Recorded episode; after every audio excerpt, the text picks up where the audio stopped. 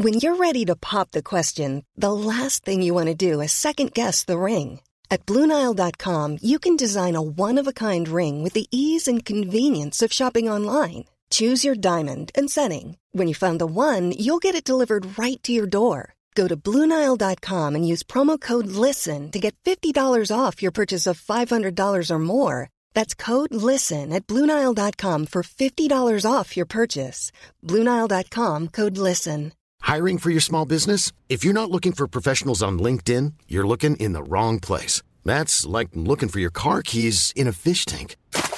LinkedIn helps you hire professionals you can't find anywhere else, even those who aren't actively searching for a new job but might be open to the perfect role. In a given month, over 70% of LinkedIn users don't even visit other leading job sites. So start looking in the right place. With LinkedIn, you can hire professionals like a professional. Post your free job on linkedin.com slash people today.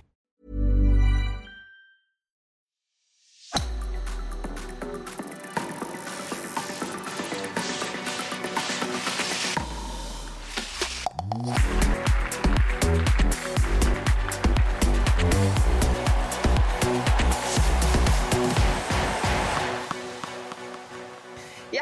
velkommen til Indre bane. Som Asbjørn sa forrige uke, så er jeg Susanne vikar for han i dag. Og det passer bra, det. Midt i US Open. Tennis er jo mitt eh, domene til vanlig, i likhet med deg, Dorthea. Nå er vi liksom litt på hjemmebane, jeg og du. Og første runde var jo ferdig i natt, så vi skal åpenbart starte denne poden her med å oppsummere US Open så langt. Vi har i hvert fall Kasper videre, Dorthea, det viktigste av alt. Ja, og det ble litt eh, jevnere enn kanskje vi Kasper-fan hadde, hadde, lyst til der. Både lang kamp og veldig jevne sett. Men jeg eh, syns det nesten var en ja, eroisk innsats av unge Emilio Nava eh, som Kasper eh, møtte. Så er det godt at det er mange runder i US Open, så de nervene til Mr. Ruud får slappe litt av. Jeg eh, tror han kjente litt på, på greiene. Han kom inn her, kom til finalen i fjor, møtte en kvalifikasjonsspiller, en ung spiller. Så jeg tror han kjente litt på hele greiene i går, men eh, dro det i land, da. Men det kjennes jo litt ut som vi har vært gjennom det her noen ganger nå. Kasper får veldig ofte kvalikspillere, og da er vi litt sånn yes, lav ranking, sant? Mm. Men det er jammen meg vanskelig hver gang. Men det, men det er det, og, og, det skal spilles, og ballen er rund.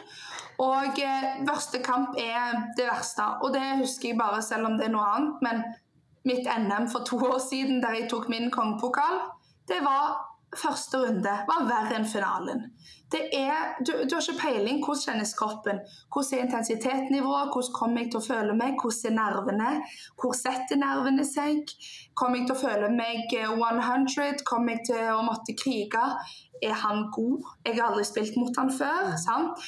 Han kommer, har spilt to-tre kamper. Han er jo på en så voldsom go bare med å være i US Open. Ja, Fordi, i hovedtablå, liksom. Ja, For dem som ikke vet det, så skal man gjennom tre ganske tøffe kvalikrunder for å komme dit. Han har selvfølgelig da vunnet alle dem på banene her, sant? Han har spilt på banene og gjort det bra, og kommer inn med ingenting å ta på. Det så vi vel også i spillet til unge Emilio Nava. Han var jo voldsomt offensiv. Ja, han var det. Han begynte liksom der som andre avslutter. Han, han, ikke, han, kjente ikke på noen ting, han bare kjørte. Han gjorde veldig mye rett. Altså, det er få spillere i denne verdenen som kan slå 72 vinnere på Kasper Ruud. Ja. Men det gjorde han. Han hadde jo òg da Takk og lov. 40, ja, 49 upressa feil. Ja. Men 13 service. Så det er Han han tok ballen tidlig. Han gjorde ting veldig rett. Han spilte med et utrolig høyt nivå. Og jeg satt og tenkte dette var voldsomt. For et spill.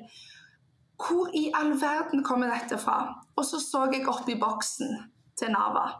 Og der satt Ferrero, som da flere kjenner til som treneren til Alcaraz. Så tenkte jeg ja, hvis det er han som har lagt gameplan, så forstår jeg at du har, vet litt hva du skal gjøre for å komme under huden på Kasper. Så en ekstremt jevn kamp.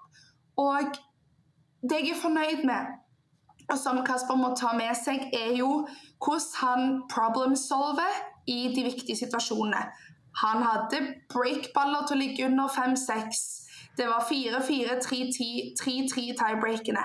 Men at han da finner fram sin beste tennis, at han da klarer å samle seg og stole, seg på, stole på eget spill, det er det som gjør at han vinner. Mm. Fordi dette er jo ikke mange idretter som det skjer, men Nava vant altså fire poeng mer enn Kasper. Allikevel så tok Kasper seieren. Så best når det gjelder, det er vi veldig glad med, men selve grunnspillet og det overall prestasjonen av Kasper, det må opp et hakk, og det tror jeg det kommer til å gjøre nå i andre runden. Ja, Hva gir deg håp om det? Nei, altså Han har jo mer å gå på, da. Eh, men eh, jeg vet selv, når du bare får rista av deg den første runden mot en ung kvalspiller du, altså, du vil jo bare, du vil bare komme gjennom det. Eh, og når han kom gjennom det Han hadde skikkelig fistpump og virka veldig letta egentlig etter, etter, seieren. Så det er dogfight, det er veldig små marginer, og det er ikke kjekt å stå utpå der når du da klarer 7-6 første sett, og så plutselig så bare fortsetter den 17-åringen, 19-åringen, og du bare Ja vel. Du har liksom mer å, mer å komme med. Så um, så jeg tror Kasper har mer å gå på. Han, har, eh, han, kan slå bedre lengde på slagene sine. Han kan eh, komme mer inn i banen. Han kan serve bedre. Eh, og det er jo helt fantastisk å ha ting han kan bli bedre på. Servinga var jo tross alt bedre nå enn vi har sett tidligere i sommer. Ja, det var det. Og så syns jeg Nav returnerte fantastisk bra òg. Så den statistikken der er jo òg litt fordi Nava gjorde veldig mye rett og bare gikk for det. Og det er kjempevanskelig å spille mot spillere som har så lave skuldre og bare kan gønne på. Eh, så det som er positivt nå, er jo at eh, Kasper nå møter en spiller som har hatt en enda tøffere første runde. Mm. Han møter da et sang som har spilt fire og en halv time tennis allerede. Eh, og eh, kommer òg inn som stor favoritt der, Kasper.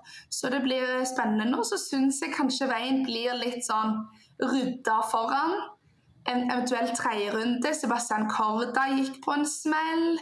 Sant? Det er Holger Rune som er en potensiell kartfinale. Så det er bare å sitte stille i båten. Men eh, vi kan se videre og glede oss sang eh, i kveld, altså. Vi fikk dessverre nå en eh, litt sen kamp. Det er jo seks timer tidsforskjell her, så dem som vil se Kasper i runde to av US Open, de må sitte opp seint eh, onsdag kveld, da. Da møtte en sang Det er vel Not Before. 23.00 norsk tid, så det blir natta, det her. Ja, det gjør det. Ja. Kasper, én ting. Vi må nevne litt av det andre som har skjedd også. Um, Holger Rune, som du nevnte. Vi hadde ja. jo begynt å gni oss litt i hendene til å få et oppgjør til mot han. Men første runde, altså. Hva skjedde med Holger? Nei, det er um, high risk, high reward. Og så er det når ting da ikke sitter, så sitter det ikke. Han går jo ut i fyr og flamme, og jeg har sagt det lenge. Han må, du må nesten ha sånn tøyler på han som du har på hesten, for å holde han litt tilbake. Jeg tror han bare kom inn her nå fjerdesida, keen som fy, var i New York og bare skulle bøste gjennom det. Og så fant han vel ut at forskjellene er ganske små, og man kan ikke tenke videre enn den kampen man faktisk spiller. Eh, og så er det jo vanskelig å forstå hva som har foregått i hodet hans, da. Men eh, han legger jo altså da ut på Twitter at eh, han ikke forstår liksom, den banen han har blitt satt på. Mm. Eh, som var da Han la ut et kart. Se om dere ja. klarer å finne bane fem hvis dere vil se meg i runde én av US Han var så fornærma for å ha fått den. Ja. ja. Så tenker jeg at eh, allerede der begynner du kanskje litt på feil innstilling. Altså, Ja, du er fjersida, og kanskje han skulle hatt en større bane, men bare gjør jobben din, du kompis, så får du en større bane. Mm. Gjør du ikke jobben, så kan du takke deg sjøl. Så eh, Nei, litt sånn drittungetendenser eh, får jeg litt eh, vibes av.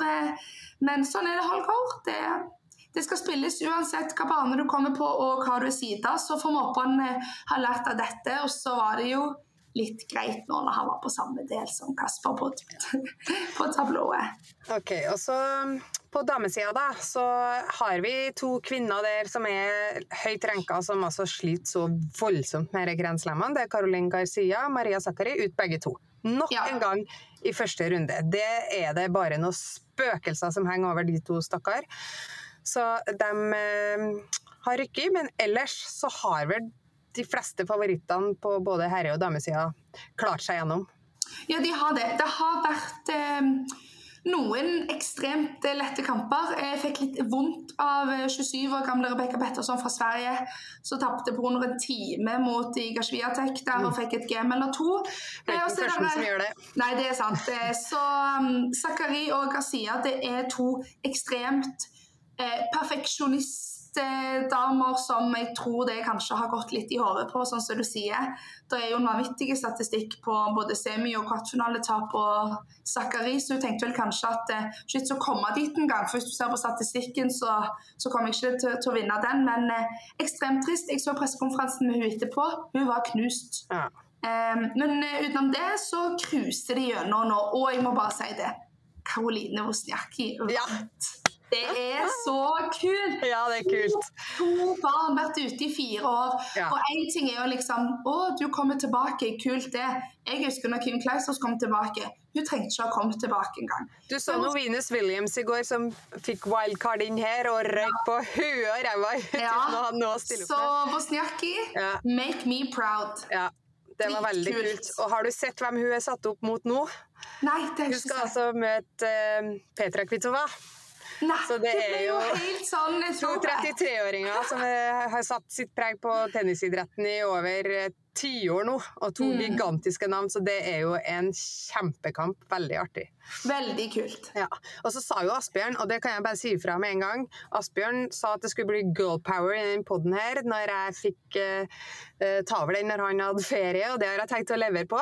Så jeg nevner i samme slengen her at uh, US Open feirer 50 år nå, eh, den eh, turneringa her, eh, med like prispenger. Altså at kvinner og menn får akkurat det samme betalt. Det er 50 år med likestilling på prispengene, og det er mange turneringer som har kommet etter. Men det er fortsatt også mange turneringer som gjør stor forskjell på kvinner og menn, så det er veldig kult i US Open at de kan feire det i år. Og i går var jo Michelle Obama på plass og holdt en fantastisk eh, tale til Billie Jean King, som var til stede der.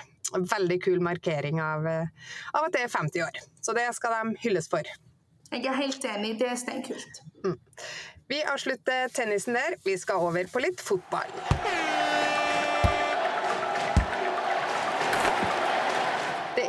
At eh, Molde skal spille i Europaligaen i høst, etter tap for Galatasaray over to kamper i Champions League-playoffen. De leverte jo en kjempeprestasjon hjemme i første kamp, men tapte etter at Fredrik Mitsjø selvfølgelig kom inn og avgjorde kampen på overtid. og Så måtte de altså reise med 2-3 til Istanbul. Det trodde vel de fleste at skulle bli tøft, eller hvor skuffa er det lov å være nå, eh, RB-journalist og Molde-entusiast Pernille Huseby? Ja, det er lov å være skuffa, det er det. Men det er litt sånn rar følelse med en kombinasjon av å være stolt og skuffa. Eh, for, eh, for, en prestasjon. Altså, Molde, jeg mener jo Molde er jo bedre enn Galatasaray i begge kampene og burde ha vunnet, men vi er for dårlige i egen og Galatasaray sin boks. og Da er det dessverre ikke så mye man får gjort. Men nei, det var fryktelig kjipt å se på. men så får vi håpe at det blir en spennende høst, da, for det er jo ikke noe dårlig, dårlig trøstepremie med Europaligaen. Gruppespill i Europaligaen. Nei, altså det skal alle norske lag være kjempefornøyd med om de tar seg til Europaligaen, men det er jo noe med det når det er så nært. Da er det jo virkelig lov å håpe, men det var litt sånn i går kanskje en litt sånn serie med hendelser som gikk imot dem tidlig i kampen, da. Ja, det er alle marginer imot egentlig i går. Eh, og så er det jo litt sånn udyktighet fra egen side når du ikke klarer å sette sjanser. og Du klarer ikke å skåre når du er alene med keeper. og Ellingsen er udyktig på straffe, straffesparket, men han er uheldig på frisparket. Eh, og han er, har jo vært helt strålende for Molde. Han har vært ute i to år og kommer inn og leverer sånn som det er. Så han, han syns jeg bare skikkelig skikkelig synd på. Eh, og Berisha, stakkar, som ja. ikke klarer å skåre. Det er liksom gang på gang. og Nei, det var fryktelig frustrerende. Men ja. sånn er det noen ganger. Så noen ganger så går det med, og noen ganger imot. Så får vi bare Ja, nei, det var fryktelig kjipt, ja. Ellingsen, kanskje noe av det mest positive man kan ta, fra, ta med seg fra de her to kampene. Han var jo virkelig fantastisk i den første kampen. Eh, og står jo kampen ut i går også og eh, er viktig, selv om det blir en del uheldige ting til slutt. Ja, herregud. Han, eh, han, kommer til å bli helt fullstendig avgjørende for Molde. Både i serie og Europa. og hvis, han, hvis, Molde skal prøve å sikre seg noe europaspill til neste år, så tror jeg vi er fullstendig avhengig av han. Så jeg håper han bare holder seg i form. Men det, nei, det er helt imponerende. Jeg syns at det er mulig eh, for en fyr. Og så er han en veldig fin fyr i tillegg, så da blir det liksom bare enda bedre. Du, Kavale, var Du var sikkert mye opp og ned av stolen i, i går, du. hesta en gigamulighet på 1-1 der, og så det annullerte målet til Berisha på 1-1, som du var inn på. Hva, var det som, hva er det som sitter igjen mest etter kampen i går for din del? Nei, Det er den uh, skåringa til Berisha. Altså, vi, trodde jo, vi var jo oppe og jubla og klemte hverandre og styrte på helt til vi skjønte at det var offside, da, for det var jo ikke så enkelt å se. i hvert fall ikke. Jeg tror ikke de hadde helt kontroll på han der. Nei, nei og det er jo bare så synd på han. For jeg liksom skåret to mål, og begge annullert for offside. Så jeg skulle bare ønske at han kunne bare skåre snart, sånn at vi liksom kan eh, forsvart seg folka på Twitter litt, som sitter her og kaller ham både det ene og det andre. Det hadde vært så deilig hvis han hadde gjort det i går. Og, sikret, og hvis man da hadde klart å tatt seg videre, hadde vært hans fortjeneste. Ja, da skulle jeg kasta plastikkslanger tilbake på alle. jo, han, han, har jo hatt en tøff start eh, på karrieren i, i Molde. Men det er jo sånn som du sier med at jeg jo følte når de spilte altså når de spilte i Molde, så var jeg sånn Nei, åh, at de ikke fikk den seieren. liksom, At de må dra ned der med litt sånn ufortjent tap. Og så uheldig fra start. altså den for så vondt at det er krasjet til Erling Knutson ja. og Kåsa der, og blod. Og fikk jo en hel Jeg så ut som du hadde pakka inn en appelsin som han fikk på, på hodet der, og han sjangla rundt, og de var liksom Hadde to fingre og tre fingre opp i lufta. Og så begynner Breivik å spyr og ta seg helt ut. Det var jo skikkelig drama. Jeg tenkte det. Uansett så har jo i hvert fall de gitt alt de har.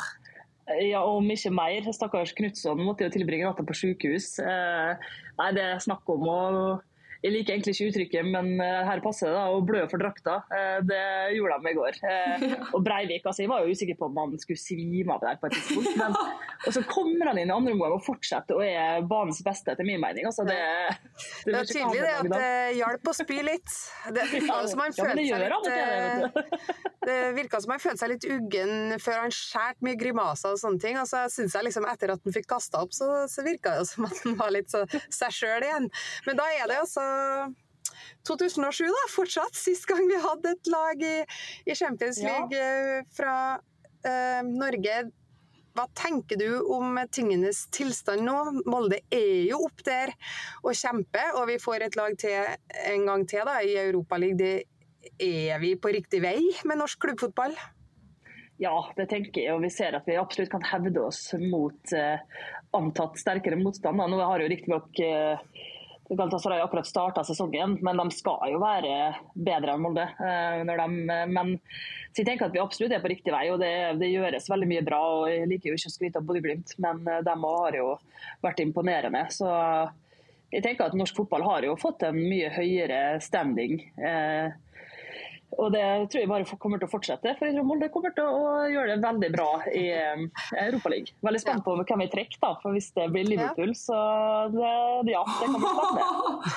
For jo, da får jeg håpe inderlig en liten, liten oppfordring til alle Molde-sportere som også heier på Liverpool. Altså Hvis noen stiller seg på tribunen, så er det bortevisning fra byen og kommunen. Da får dere ikke komme hjem igjen. Bare flytte. Det håper jeg, håper jeg du følger opp på, Pernille. Men ja, neste år så blir jo kanskje også mulighetene dobla hvis vi får to kvalikmuligheter til Champions League når de legger om hele systemet til neste år. Så vi får virkelig håpe det. Og det er jo avhengig av at de andre norske klubbene også er med å samle sånne uh, poeng til koeffisienten vår. Så vi får ønske Brann og Glimt lykke til med sine kamper i morgen. Jeg vet ikke om ja. Følger du de andre kampene også, Pernille, eller? Ja, jeg unner jo ingen andre enn Molde noe som helst. Så jeg bryr meg ja, nei, vil, kanskje, nei, nei, jeg vil faktisk ikke. Jeg håper ingen av dem vinner. Så okay. jeg, jeg er enig med Mimir Kristiansen der. Altså, jeg unner bare Molde. Så, Men det er lovt. Det er lovt. Men så vi som eh, bare heier på norsk fotball, da. Vi får håpe at de eh, klarer det. Jeg tenker jo at uh, Glimt har et veldig veldig godt utgangspunkt. De klarte jo 2-2 mot Sepsi der, og den tar de på hjemmebane, tenker jeg. Det kan i hvert fall jeg si. Og så må Glimt ta det kanskje litt mer på alvor og gjøre jobben, da. Mens Brann var jo heroisk mot Aset. Og ja, det blir en skikkelig spennende kamp når de har med seg 1-1 til Bergen. Så det er torsdag, altså. Så da får folk benke seg foran TV-ene igjen og heie på norske lag i Europa. Tusen takk for at eh, du var med, Pernille. Og så blir det spennende å se trekninga. Mom deserves the best, and there's no better place to shop for Mother's Day than Whole Foods Market. They're your destination for unbeatable savings, from premium gifts to show-stopping flowers and irresistible desserts. Start by saving 33% with Prime on all body care and candles. Then get a 15-stem bunch of tulips for just $9.99 each with Prime. Round out Mom's menu with festive rosé, irresistible berry chantilly cake, and more special treats. Come celebrate Mother's Day at Whole Foods Market. I'm Sandra, and I'm just the professional your small business was looking for. But you didn't hire me because you didn't use LinkedIn jobs. LinkedIn has professionals you can't find anywhere else, including those who aren't actively looking for a new job but might be open to the perfect role, like me. In a given month, over 70% of LinkedIn users don't visit other leading job sites. So if you're not looking on LinkedIn, you'll miss out on great candidates like Sandra. Start hiring professionals like a professional. Post your free job on linkedin.com slash people today.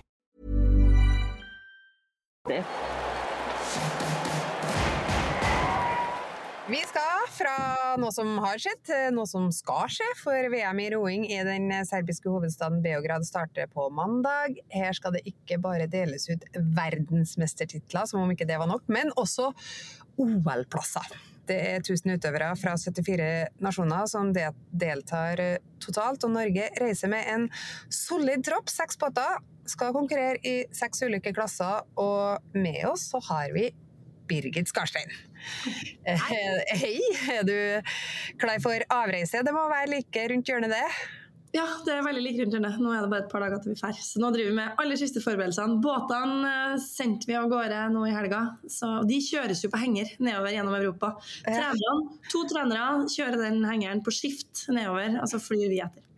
Ja, for ja, hva hadde vært alternativet? sant? Selvfølgelig må de det, jeg hadde aldri tenkt over det, men de må ned på henger, rett og slett. Det er veldig gøy at vi kan sende penger, da, fordi at når det er i typ Asia eller USA, og sånn, så må de sendes på container. Ja. Og Da sender vi jo båtene et par-tre måneder før vi skal dra, så har vi reservebåt hjemme. da. Så nå har vi i hvert fall rodd i vårt eget utstyr helt avreiste. Ja, heftig. ja. Jeg har uh, hørt om dem som eh, rir på hest i OL, og det er jo interessant det, at man skal ha utstyret med seg. Ok, men du, uh, Midt i forberedelsene dine, da. Uh, men jeg har jo sett at du du har deltatt på kongelig feiring i helga. Så, så du har tid til litt annet òg? Ja, det er veldig lite annet nå så de siste ukene før, det er det. Men den kongelige feiringa var jo en utendørsfest.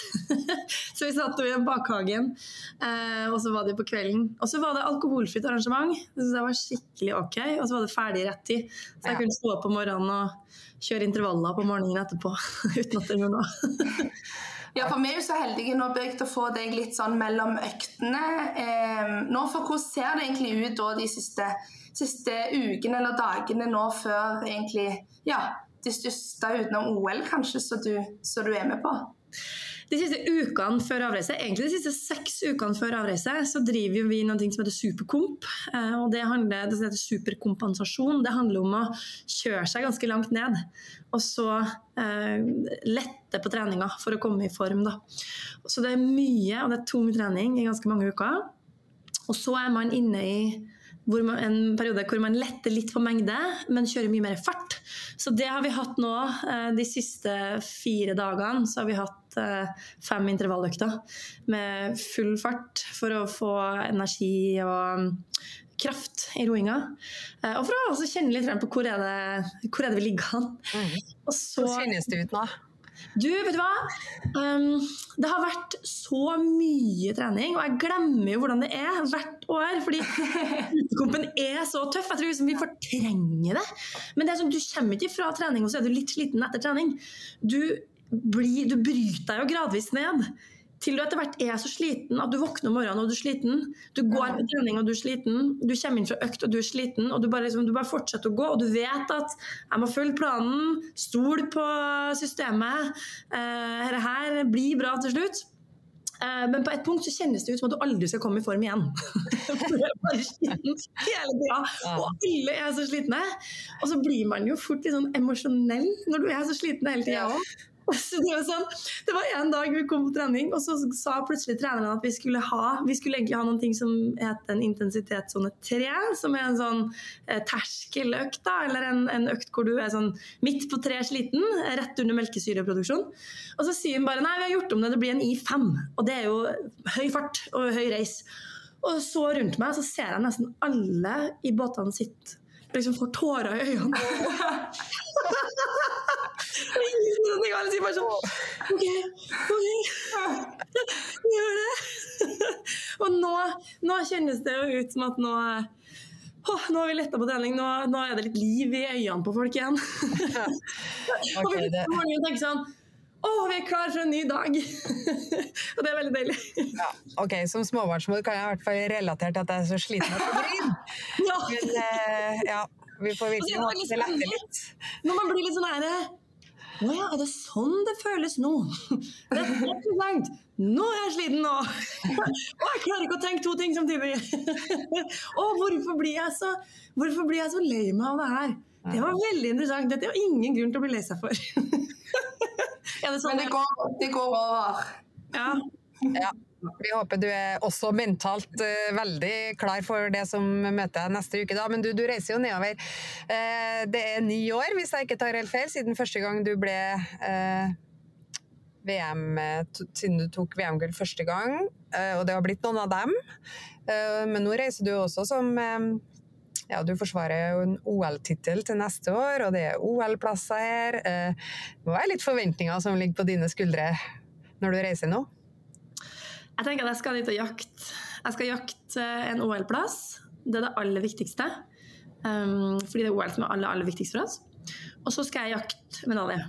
Uh, og vi har en klar plan for hvordan vi skal gjøre det. Det er veldig sånn kjedelig idrettsutøversvar, men det er helt riktig. på hvordan vi skal gjøre det. Rent teknisk, rent fysisk, rent mentalt. Uh, og så, bare fordi det har gått bra før, så betyr det ikke at det kommer til å gå bra videre.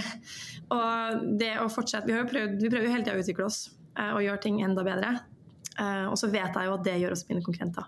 Og jeg vet også at roing er en idrett hvor det er veldig mye trening, det er veldig få konkurranser.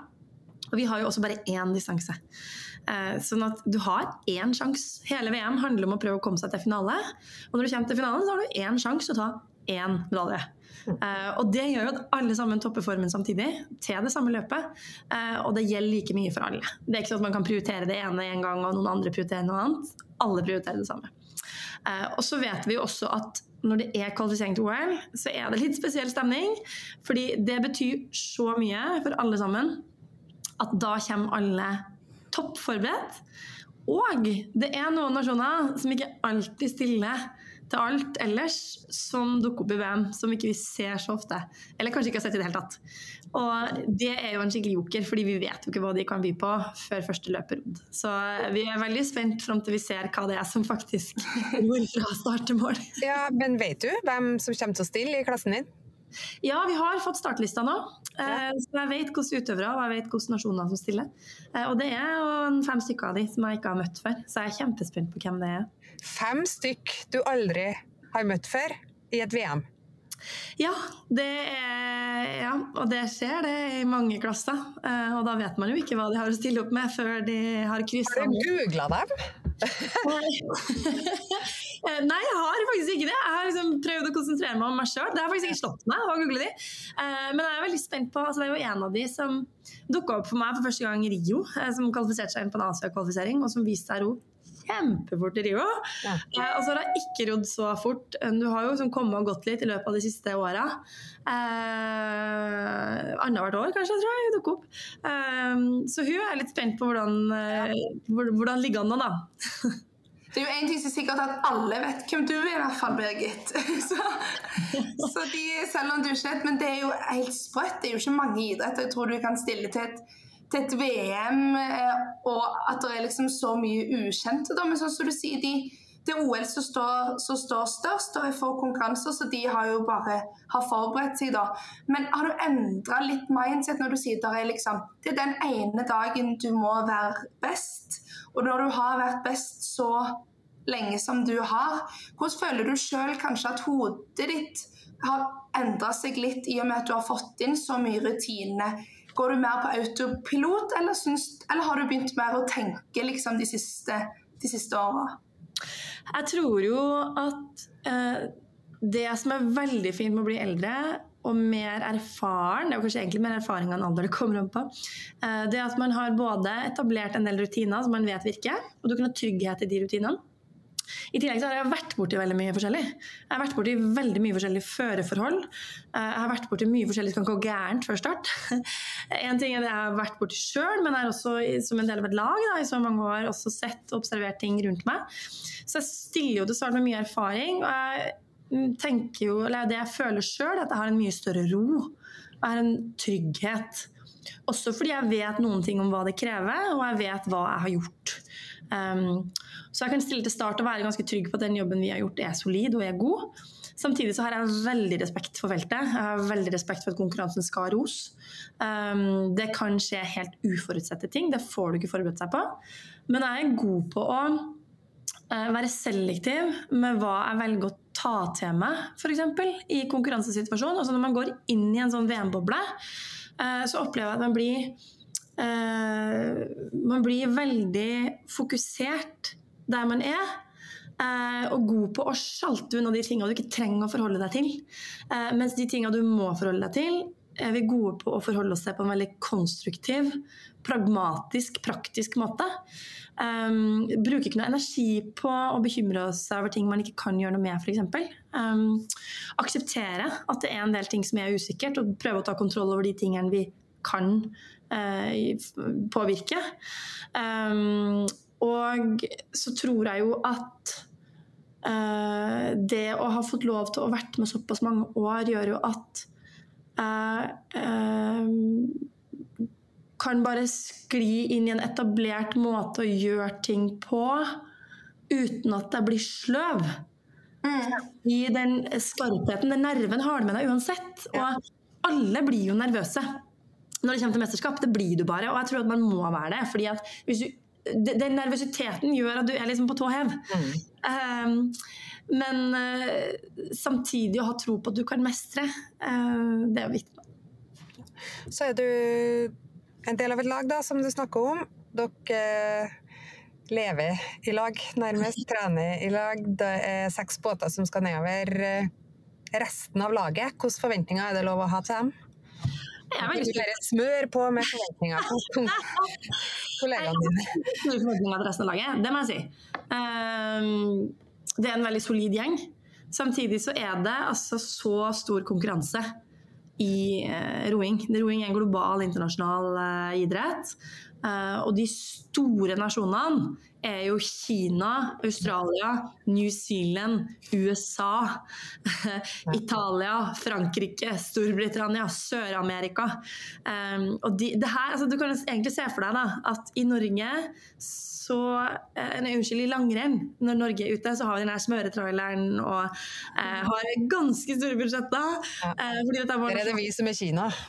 Ja, det er helt riktig. Når vi er ute, så, så er det ganske mange andre smøretrailere rundt der, og det er ikke oss. Sånn vi er jo en lilleputtnasjon i den store globale roverdenen.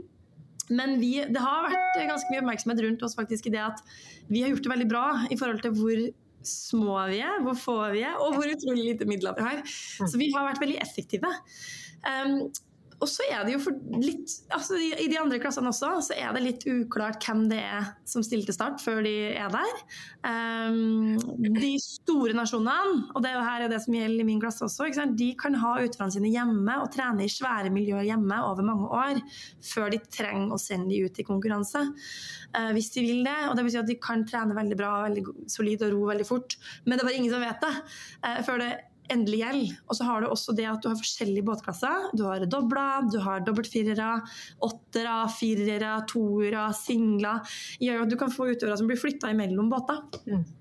Og det gjør jo at du noen som ikke har vært kompetitive i én båtklasse, plutselig kan være kjempekompetitiv fordi de har henta inn to veldig gode utøvere som har egentlig rodd i andre båtklasser. Mm. Um, men uh, det vi jo håper veldig på, er at vi skal få kvalifisert for første damebåt siden 1996. Yeah. Eh, det hadde vært ordentlig, ordentlig kult eh, til OL. Um, for Thea Helseth og Jenny Rørvik de stiller i en dobbeltsculler eh, nå i VM-et her. Og har de muligheten? Altså, er de der nå at de kan klare å kvalifisere den båten til OL? De har absolutt muligheten. Eh, de må bli topp 11. Det er jo sånn at I de forskjellige båtklassene så er det forskjellig hvor mange båter, eller hvilken nummerplassering du må ha for å få deg en OL-billett. I min båtklasse så må jeg bli topp 7. I Thea og Jenny sin båtklasse så må de bli eh, topp 11. Så hvis de klarer å bli topp 11 i løpet av sin i, i, i løpet, altså dvs. Si, det er seks stykker i A-finale, hvis de kommer til A-finale, så har de sikra billetten. Og så er det seks uker B-finale, så de må bare ikke tape B-finalen. Helst komme til A-finalen. ja. Men du, det betyr jo rett og slett at altså, Fordi jeg har lyst til å prate litt med deg om det. Du er jo en eh, norsk kvinne i en individuell sommeridrett som har klart å hevde deg veldig, da. Eh, og vi har ikke for mange av deg, rett og slett, eh, å ro ja, Norge som ronasjon har absolutt ikke noen stolte tradisjoner på kvinnesida. Har det gjort noe med, med din hverdag at, eh, at, de har kommet inn og kommet opp på det nivået? Eh, jeg har jo vært veldig mange år på et rent herrelag. Mm. Sånn at, men vi har jo, I roing så har vi jo bare ett landslag. Eh, selv om vi har mange forskjellige båtklasser. Vi har jo tungvekt, vi har lettvekt, eh, eller åpen klasse, da, som tungvekt heter nå. Eh, vi har kvinner, vi har menn, olympiske, paralympiske båter. Men vi har bare vært samlokalisert alle sammen, og samorganisert med tanke på trenere, og fysioressurser og sånne ting den smarteste måten for oss å gjøre det på. Så hos oss har vi egentlig ikke tenkt så veldig mye kjønn. Um, I hvert fall ikke det daglige virket. Uh, så jeg har jo alltid hatt samme trener som guttene, um, og gjort akkurat det samme stort sett som de. Uh, men det er jo veldig deilig å ha flere damer i gangene. Uh, det syns jeg. Um, og det er jo deilig å være flere, fordi vi har jo også vært ganske lite lag. Så det å ha litt flere utøvere, det er alltid velkomment. Så, fordi Asbjørn overlata den, denne poden til meg uh, forrige uke. Da så sa han det at ja, da blir det girl power, så jeg føler litt sånn for at jeg skal følge opp den forventninga han la der til den poden her. Uh, sette litt fokus på det. da. Eh, hvordan er det å være norsk kvinne som satser i en individuell sommeridrett? Og Grunnen til at jeg syns temaet er veldig interessant, er jo rett og slett bare tall. Vi er jo nettopp ferdig med et VM i friidrett nå, der vi hadde 17 gutter og 10 jenter. Men den virkelig store forskjellen på uh, de to kjønnene er jo hvem som stjeler overskriftene. For det er jo bare guttene, nesten. sant? Uh, er Norge litt i ferd med å, å sakke akterut på jentesida. Når vi ser på kjønnsbalansen eh, VM i friidrett er bare én ting. Eh, dere har det i roing, men hvis vi tar hele OL-troppen, så var det også i Tokyo 2021 eh, 34 jenter og 60 gutter. Hvor er de norske jentene? Ja. Ja, støtteapparat òg. Susanne er jo òg Hva var det, 58 som de skal sende nå? Og 56 av det er, er menn. Det var forrige OL, ja. Mm. Ja, forrige OL. Så um, Nei, det er skikkelig mannsdominert. Og uansett idrett, egentlig er det jo flest gutter som skriver overskriftene Eh, men Birgit, du har jo skrevet overskriftene, selv om du er, er, dame. Men du har jo en treningshverdag da mest rundt guttene, sånn som du sier, og du har òg en, en, herretrener. Men at det er jo deilig og viktig å få flere jenter inn, og at de fortsetter å satse inn i seniorårene. At de er tålmodige, for det er jo det som er at vi, vi får de med liksom inn i ordentlig senior toppidrett. Ja, altså det er, det er, mange ting tror jeg, som gjør at man har færre damer. For det har vi. Vi har mange færre kvinnelige toppidrettsutøvere. Eh, både globalt, men også i Norge. Um, de, det man ser, er at mange av de detter jo av uh, i det området hvor man skal velge om man skal satse eller ikke. Det, er, det å satse på toppidrett, spesielt individuell toppidrett, det er superkrevende. Mm. Det er ikke noe trygg vei i det hele tatt. Det er en mye smartere, mer rasjonell vei å studere. Og det er jo det jentene gjør, da. Det er smartere. Ja. Hvis du legger ned et visst antall timer med arbeid på å studere, så er det en gitt sannsynlighet for at du står fagene. Eh, at du får en grad. Eh, det er også en viss korrelasjon mellom det arbeidet du legger ned og den karakteren du får i toppidrett, som er ganske brutalt, altså. Så det er overhodet ikke sikkert at du får igjen for den investeringa det er å legge ned alle de timene. Uh, og så får du ikke noe betalt. Det er jo ikke sånn at man kan bestemme seg for at nå skal jeg, nå skal jeg ta en jobb som toppidrettsutøver. Ja vel? Dette her så vi jo veldig tydelig under korona, hvor folk ble permittert. Hvor folk eh, som ikke kunne utføre jobben sin, eh, på en eller annen måte kunne få en kompensasjon f.eks. De fant jo ikke en måte å kompensere toppidrettsutøverne på, for de er jo ikke lønna. De er jo ikke ansatt. Eh, det er jo stort sett hvis du er på et lag, som i en type fotballag eh, eller håndballag, eller den type lag som faktisk har ansettelseskontrakter. Har jo ingen rettigheter som ansatt, fordi jeg ikke er ansatt. Vi alle sammen er jo selvstendig næringsdrivende som driver egne Tenker du at det er en kjønnsforskjell der, i hvor mye trygghet man trenger? Det er jo forskning som tilsier at damer er mer trygghetssøkende eller mindre risikovillige. Da. Mm. Eh, på, fordi det er en risiko. Det er en risiko å gå ut og satse som uh, selvstendig næringsdrivende, i tillegg til å være gründer, ikke sant? som mange jo er. Fordi du må utvikle ting, uh, du må koordinere ressurser, du skal i forhandlinger. Uh, du må forvalte ganske store deler av din hverdag og, din, din hverdag og ditt virke sjøl. det er Uh, en krevende vei å gå. Det, det, er i hvert fall ikke noe fordel å være veldig trygghetssøkende. Uh, du må faktisk gutse litt og ta sats da, og hoppe, og det er på ingen måte gitt at det går bra. Um, og, så jeg tror jo at hvis man i større grad eksempel, hadde klart å gjøre det mulig å studere mens man trener, fordi det man ser i dag, er jo at mange sliter med, eh, med at det f.eks. er et krav om 80 oppmøte. Da, og at idrettsutøvere generelt sett ikke har en sånn sentral um, tilpasning eller tilrettelegging. Det er bare noen studier som tilbyr det. Um, på vårt landslag så lever alle stort sett av Lånekassen eller deltidsjobb, men uh, de aller fleste har måttet slutte på studier eller bytte studiested, eller tar enkeltemner fordi de ikke lar seg gjøre kombinere. Det er mange som også ikke klarer 50% studieprogresjon fordi du reiser så mye og konkurrerer så mye. Um, nå kom det jo nettopp for ikke så lenge siden en sak med en um, Det var for så vidt en mannlig utøver, men han fikk gitt uh, godkjent utsettelse av praksis ja. uh, som, som um, fysioterapeut. Han måtte kanskje skrinlegge hele utdanninga si. Det å ikke vite om du kommer til å klare å komme ut på den andre sida og ha en grad, og det at du kanskje ikke får tatt den underveis, du, du får da heller ikke studiestøtte studiestøtte f.eks., det gjør det jo enda mer risikabelt. fordi du kan jo risikere å komme ut da, som 25, 26, 27 30-34-åring kanskje, og må begynne på en bachelor sammen med masse 19-åringer, som kan være hyggelig, det. Men vi ser jo resten av, av, verden gå videre og etablere seg. og uh, det, er, det, er en risiko å ta å avvente og utsette. Og så, altså, du, har en, du, har en, økonomisk risiko, du har en utdanningsrisiko. Um, du har det er ikke noen sånn oppskrift, sånn her gjør du det. Uh, ofte må du finne ut mye av det sjøl. Um, det, det, det, er ikke en enkel vei å gå. Og mange vil jo si at det er et mye mer Mye lettere å se at man får igjen for investeringa man gjør gjennom å heller satse karriere. Og det er det mange damer som gjør. Men er økonomi eh, viktig da? Fordi det er jo også dårligere økonomi i kvinneidrett enn i herreidrett. Det er ganske mye Det er ganske stor forskjell. Det er forskjell, ja. Det er veldig, NRK gjorde en kartlegging for noen år siden. Var det 10% eller? Damene som fikk hadde den totale pakka. Det var noe sånt nå. Det var et helt vilt eh, tall. Um, og det viser seg både i de store pakkene, eh, det som forhandles av cuper og liga, eh, av de store sponsoratene, og også av enkeltsponsorat. Så man ser det over hele linja at kvinneidretten verdsettes lavere. Altså, nå er det jo sånn at Toppidretten innebærer stort sett, nesten i alle idretter, veldig mye reising. Fordi du har samlinger, du har mesterskap, eh, du har cuper og konkurranser. Og Det gjør jo at man har veldig mange reisedøgn og er mye borte. Det er krevende hvis man har en familie hjemme, og det gjelder både hvis man som kvinnelig utøver har en familie hjemme, og det ikke har vært like stor aksept eller like lett å ha med familien på tur.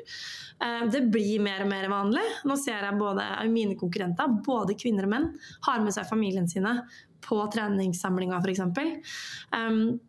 Det at, eh, men det er ikke like lett overalt, og det er ikke like lett i alle miljø. Og det krever også ganske mye av en partner eh, å gjøre. Eh, og hvis du som kvinnelig idrettsutøver eh, skal ha med deg din partner, så må da mannen være hjemme med barna, da, eller være med på tur. Og det har det også vært mindre tradisjon for, at eh, mannfolka har vært hjemme med barn. Eh, eller vært med på dama sitt opplegg med barn, enn motsatt.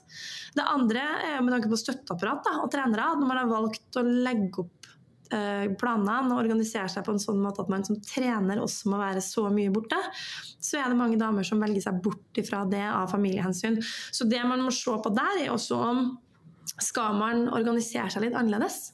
Skal man f.eks. fordele det på to stillinger, sånn at man har halvparten så mye reising, og f.eks. gjør halvparten administrativt arbeid? Det vil jo gjøre at flere typer mennesker i flere typer familiesituasjoner eh, vil tenke at den jobben er relevant for dem. Jeg vil tro at det er ganske mange menn som jobber i eh, støtteapparatet i norsk idrett, som også ville ha satt pris på det, og få lov å være litt mer hjem.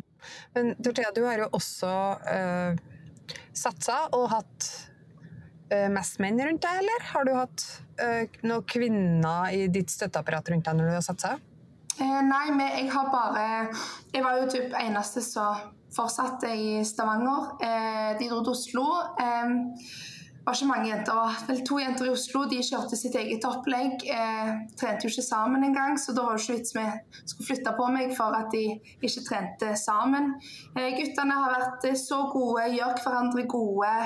Eh, de har hatt et helt annet miljø, et helt annet sosialt. Eh, så jeg var jo kjempelei til slutt og var bare Ja, og har slitt mye med trenere i juniortiden òg mannlige trenere som jeg føler ikke har forstått meg da og liksom møtt meg akkurat der jeg har vært. Eh, Hvis du har da en konfirmant jente og en konfirmant gutt, så har du plutselig da ei som akkurat har blitt dame, og eh, en som er veldig, veldig gutt. Så jeg eh, har slitt med å liksom føle meg forstått. Så det var jo først når jeg kom på college og spilte med 80 jenter på samme alder, at jeg var sånn dette kunne jo vært så gøy hvis jeg hadde hatt det hjemme. Og bare å kjenne liksom tilhørighet. Eh, alle gikk på studiene, forståelse, at vi sto i det sammen. Eh, og for meg med det sosiale òg. Vi har hatt liksom bare venninner som ikke har drevet toppidrett. Så er liksom bare det Ja, nå hadde vi Birgit som prøvde å børste håret sitt litt her før vi gikk på, på sending. Sant? Du kommer fra trening, du kommer fra morgentrening, du går glipp av ting. Em, så vi var vel altså Du ser jo bare det når samboeren min gikk ut av videregående toppidrettsklassen, så var de to jenter eh, igjen i tredje klasse på toppidrettsgymnas. Når de begynte, var de vel ni. Eh, vi var 50-50, jeg tror vi var fire jenter eh, på slutten. Eh, så det er jo disse årene, og jeg tror det er litt at vi tenker konsekvens hele veien. Og det er litt sånn i hverdagen når jeg tenker sånn Men er det verdt det? Er det verdt det? Vi gutter bare hopper litt i det. Så det er jo litt sånn som du sier, Børge, at vi Kanskje vi er litt for fornuftige og tenker at alle kanskje blir ja, ja, ja, men at alle kanskje blir verdensmester. At vi skulle, vi skulle ha våga litt mer. Og jeg tror det er ekstremt mange jenter som har hatt en idrettskarriere, spesielt individuell idrett, som er liksom Altså, jeg sitter jo her langtidsskada og føler meg ikke ferdig. Og jeg tror det er mange av jentene som ikke føler seg ferdig, men så ikke kanskje en annen utvei.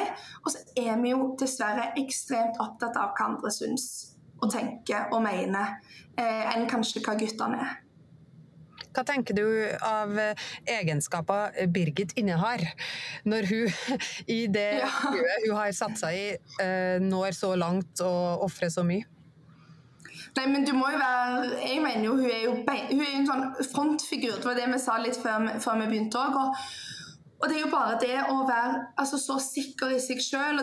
Du nevnte litt, Birgit, i forhold til liksom, å ha rutine i den toppidretten som altså i roing. Men det er bare sånn generelt i livet at du, at du har en plan, at du har folk rundt deg å stole på.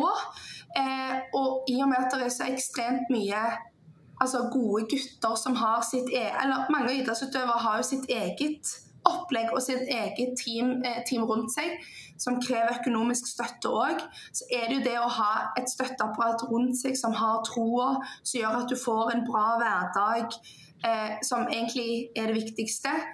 At du har liksom en, en, plan med det. Og jeg tror det er veldig få som ser på det, som ikke holder på med det, som ser på det litt sånn som så, så du forklarte, Birgit, med at du må hoppe i det.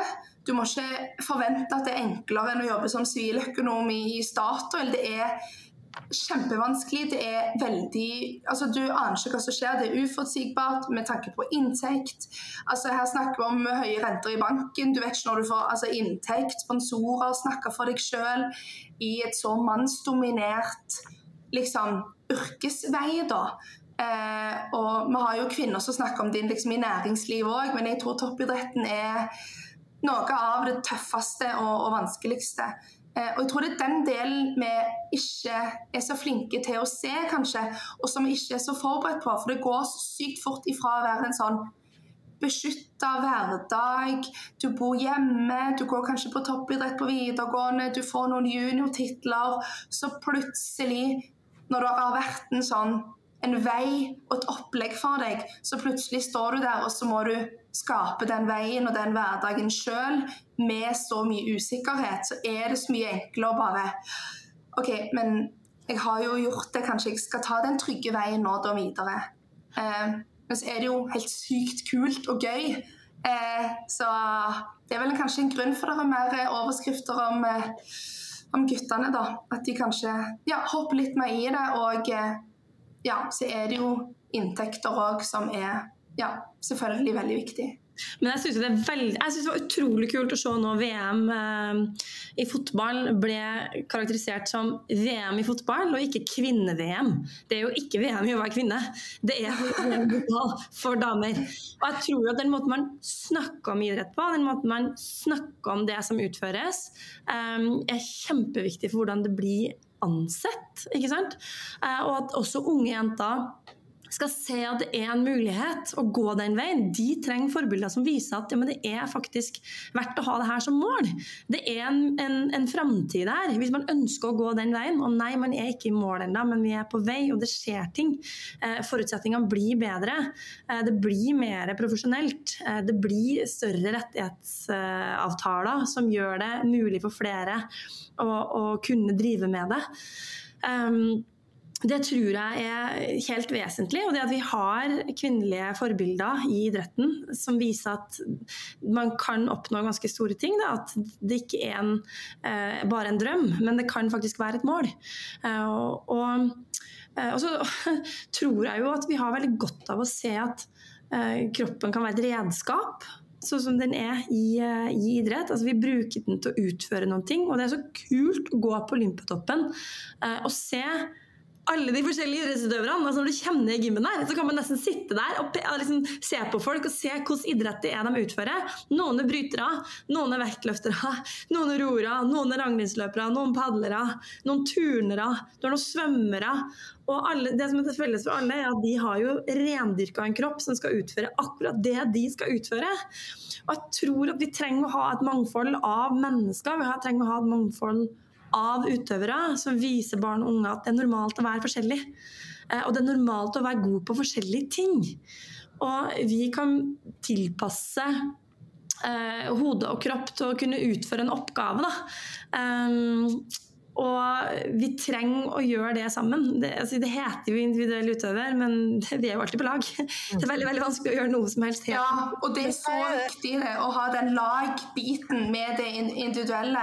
Og Vi har jo snakket om litt eh, på tennissendingene Susanne, med litt sånn, det er skikkelig tennisbølge. Se alle gutter som ser på Kasper Ruud og har lyst til å bli bra. og Tenk alle som så Hovland liksom, eh, på, på søndag kveld. Så det er jo sånn som du sier, at vi har de jentene til og damene å se opp til. Jeg husker håndballjentene når de så Camilla Herre. Vet sant? Og, så det er liksom å ha noen sånne banebrytere som bare hopper i det. Altså typ Birgit, da. Så vi må jo bare ha flere som hopper i det. Og det handler om å føle, ha et mangfold, sånn som du sier. Å føle seg inkludert, akseptert og trygg. Mm. Eh, uansett kjønn, uansett alder, uansett hvor du kommer fra og hva du gjør. Eh, at du føler at sånn, det er flere som tror på dette. Hva det som litt underveis da. Altså, jeg husker jo som jeg var i starten av min karriere, var egentlig ganske mange år i, i, i begynnelsen. var at jeg var litt sånn Unnskyld, unnskyld, unnskyld, unnskyld. kan jeg være med? Ja, ja, ja. Spesielt for guttene, liksom. Det kan, være, det kan gå sist. Å ja, det var bare herredrakta igjen, men da tar jeg en landslagsrock i herre, og så er det litt Ja ja, det var ikke noe annet igjen. Det går fint. Det er riktige farger. Etter hvert som jeg liksom har blitt eldre og blitt mer rutinert, og eh, også sjøl erfare at jamen, jeg fortjener den plassen. Eh, jeg er her som et likeverdig lagmedlem som alle de andre. Så har jeg blitt mye flinkere til å si sånn Hallo, jeg skal også ha trenertid. Hvorfor får ikke jeg nok trenertid? ja, jeg skjønner at de trenger det, men det gjør faktisk jeg òg. Å ja, hvorfor er det ikke nok drakter til meg? Uh, jeg trenger faktisk også drakt. Um, eller Um, ja, men jeg vil ikke ha den treningstida der hver gang. Jeg vil ikke bare tilpasse de andre. Våge å ta plass, liksom. Ja, det er akkurat det. Og det har tatt ganske lang tid for min del, i hvert fall. Og nå er jeg jo mye tryggere i det jeg gjør det, men det kommer jo ikke av seg sjøl, det heller. I hvert fall ikke hvis man føler at man er litt sånn tillegg, da, og ikke er helt likeverdig. Og det kan være en sånn følelse man har i seg sjøl. Og jeg tror jo at når man snakker om ett kjønn som et utgangspunkt, da, så snakker man om en tilpasning, altså en tilpassa treningsplan. For det skal også sies at absolutt mest av den forskninga som er gjort på idrettsfysiologi, er gjort på menn.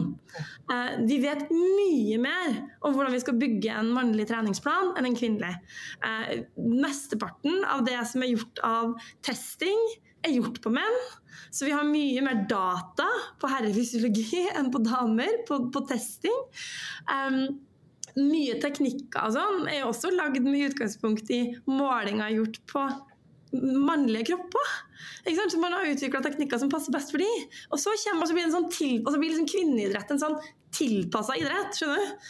Eh, eller en idrett hvor man er litt sånn herre eh, ja, dette funker for gutta, så det funker sikkert også for dere. Og så er det ikke gitt at det funker. Altså bare det at altså jeg synes I løpet av de liksom tolv liksom årene jeg har holdt på, så har jo plutselig mensen blitt en mye større greie. Og, Tenk deg hvor viktig det er for alle kvinner um, hvor forskjellig man kan føle seg ja. den uka fra de tre andre ukene. Hvor ekstremt mye det har å si for uh, ja, hvordan kroppen fungerer, hvordan hodet fungerer. At det ikke, vært, at det ikke er mer tilpasning til den syklusen vi lever i. Ja, det må jeg si. Nå når jeg ble langtidsskada syk, så jeg har hatt uregelmessig helt siden jeg fikk det. Jeg hadde opphold på tre år i Amerika pga. ekstreme treningsmengder. Og nå når jeg har hatt mulighet til det, siden jeg ikke har konkurrert noen ting, å tilpasse treningen til det, det er helt sykt. Jeg bare, og når jeg snakker om det, Folk blir jo helt sånn utilpass og svett i barten. liksom. Jeg bare sånn, Dere skulle bare visst om dette hadde vært guttene. Det hadde vært bøker om hvordan de Altså, alle hadde trent sånn. Alle hadde trent sånn, liksom. Hvordan er det du gjør tilpasninga? Hvilken type ting? Hvordan slår det ut? Ja, eh, altså bare eh, resultater, hvordan jeg føler meg. Eh, jeg får en helt annen forståelse for hvorfor jeg presterer sånn som jeg gjør, hvorfor jeg kjenner meg sånn som jeg gjør. Legge opp den uka, den uka. Da kan jeg kanskje ta litt mer, løpe litt lengre, sant? holde litt tilbake der. Hvis ikke så går man jo helt i kjelleren, og så forstår man ikke hvorfor. Så har man liksom ingen ja, aksept for at det skal være godkjent. Og det er jo ikke det i toppidretten. Om du har mens når det er VM i roing, så kanskje du sånn Du, kan vi ta den OL-kvaliken neste uke heller? Eh, men at du i hvert fall kan legge til rette så mye som du kan sjøl, da. Uh, ja, altså ta inn over seg, hva er det? Altså for eksempel, I roing da, vi er jo kjempeavhengig av bekkenbunnsmuskulatur. Uh, og mye sånn finmotorikk i hofta og bekken, fordi du, du, mye av taket utgår fra nedre del av kjernen. da. Um, og mange når de får mensen, så strammer den muskulaturen seg. Er derfor Du har jo kramper. ikke sant? Og det er jo klart at hvis, hvis den muskulaturen står og kramper, så treffer man ikke nødvendigvis like presist. Um, og bare det å anerkjenne at det er et element som gjør at du f.eks. kanskje må varme opp litt annerledes, eh, eller er nødt til å tenke litt annerledes, eller jobbe med kroppen litt annerledes, eh, eller kanskje som du sier, da, bytte om litt på øktene, eh, så er jo det superviktig, kanskje spesielt for de som er unge. da. Og også bare, jeg synes Det var ganske kult, det var jo en triatlonløper, jeg husker ikke hvem det var. men jeg så noen bilder, det var et, et, et, en konkurranse. Ja, ja, ja. Hun i hvit drakt. Ja, i hvit drakt! Ikke sant? Blødde. Eh, og hun la ut det bildet sjøl. Det er helt normalt av mensen. Det er bare litt blod på låret, liksom. Eh, det er jo superviktig at man normaliserer. Altså halve befolkninga blør, liksom. Ja. Og Tiril Eckhoff har jo òg snakket om det, og det òg er sykt bra. Altså, hun har ja, altså, de ja. Folk blir helt kleine liksom, når du nevner det. ja, ja, ja. Og Isabel Pedersen var ganske tidlig. Ja, ja. Det, liksom. Og så bare det der at fotballjentene skal liksom trenge å slåss for å slippe å springe i hvit shorts. Det er helt sånn der, hvorfor skal du ha det ekstra emosjonelle stresset knytta til om du blør gjennom på TV under kamp? Det er helt unødvendig. Du skal ha alt fokus på ballen og på spillet. Og på det du holder på med rent faglig profesjonelt, ikke hvordan du ser ut når du gjør det.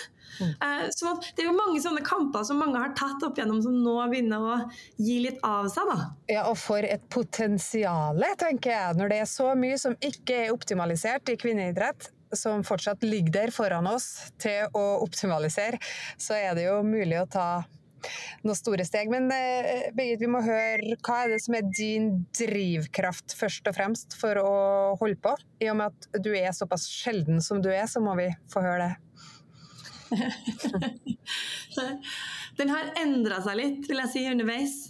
Um, jeg, var, jeg ville veldig gjerne, da jeg, bestemte meg for å satse, prøve å få til noen ting som ingen trodde skulle være mulig å få til.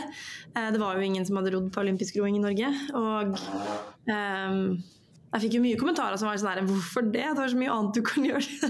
Du har liksom andre ressurser, du har jo alternativ i livet, liksom. Kom igjen. Hvorfor skal du gå den veien der? Eh, men jeg hadde veldig lyst til å få det til, og få det til på en skikkelig kul måte. Og jeg syns det var veldig tøft. Og så syns jeg at Uh, roing, altså Min klasse roing heter Women Arms and Shoulders. Den heter jo ikke Women No Legs. Det er ingen som bryr seg om at man ikke bruker beina. Du konkurrerer med armene.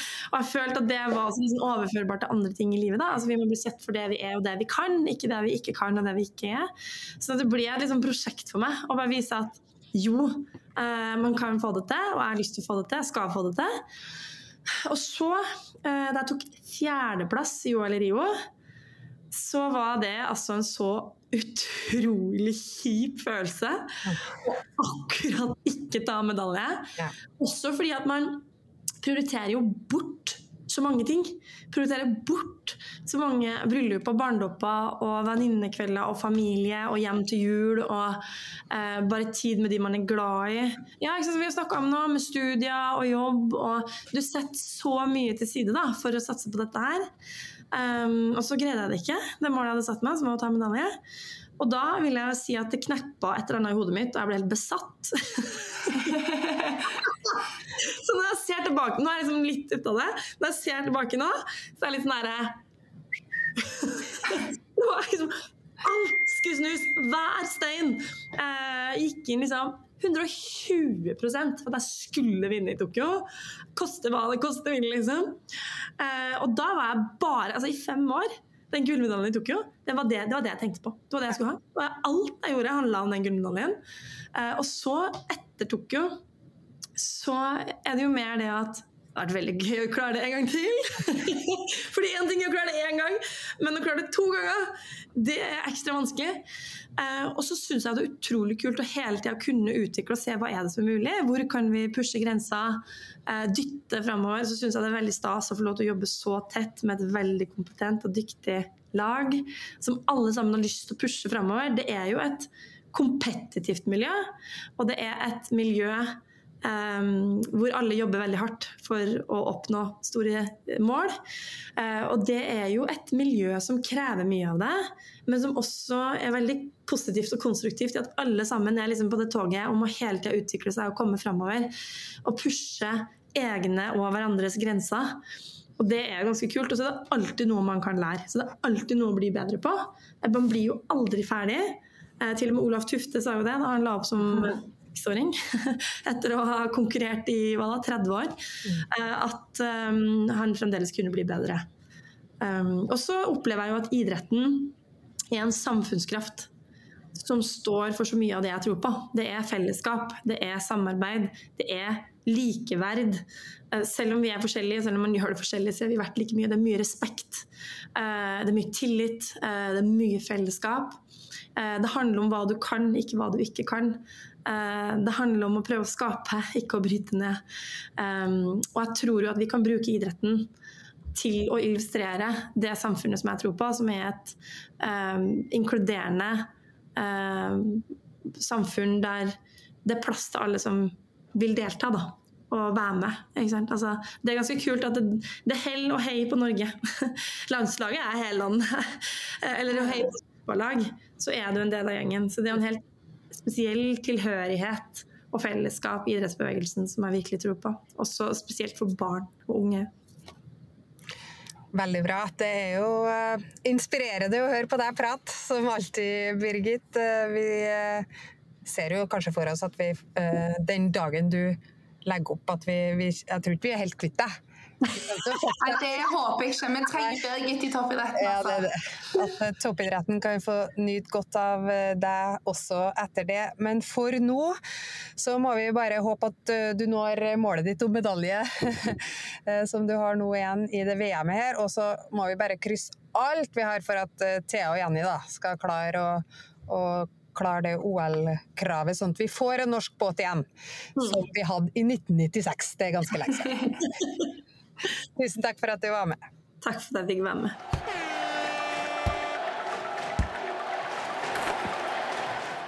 Vi kan ikke lage en pod med kvinner i idretten som rød tråd uten å nevne skandalen som utspiller seg i spansk fotball nå, Dortea. Spania vant jo fotball-VM. Den spanske fotballpresidenten Luis Rubiales var til stede på medaljeseremonien, og da han skal gratulere eh, Jennifer Hermoso, så kysser han hun midt på truten, eh, sånn det ser ut på bildene da. Skal, jeg tar ikke hele historien her, for du skal føle ganske dårlig med for ikke å ha fått med seg eh, denne saken.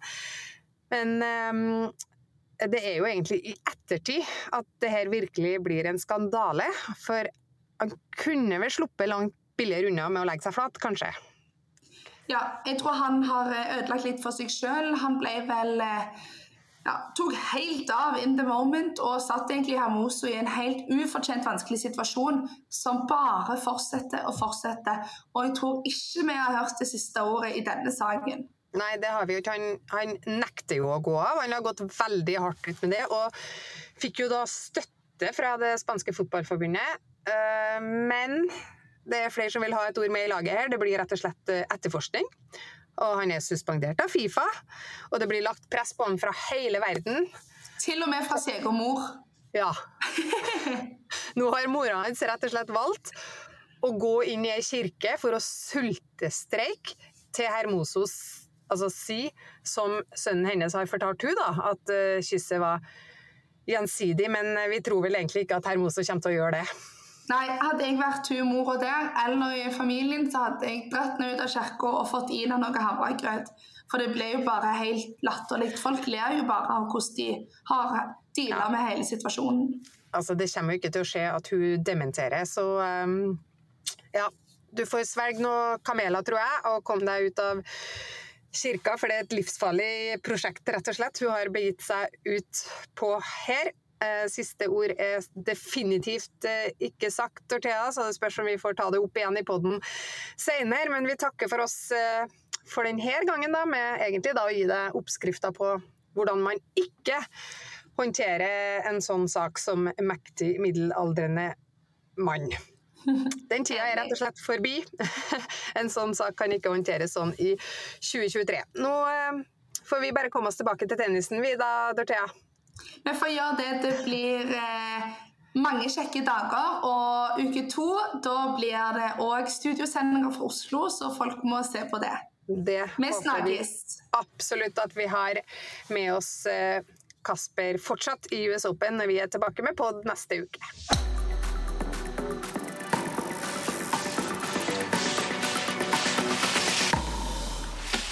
Mm-hmm.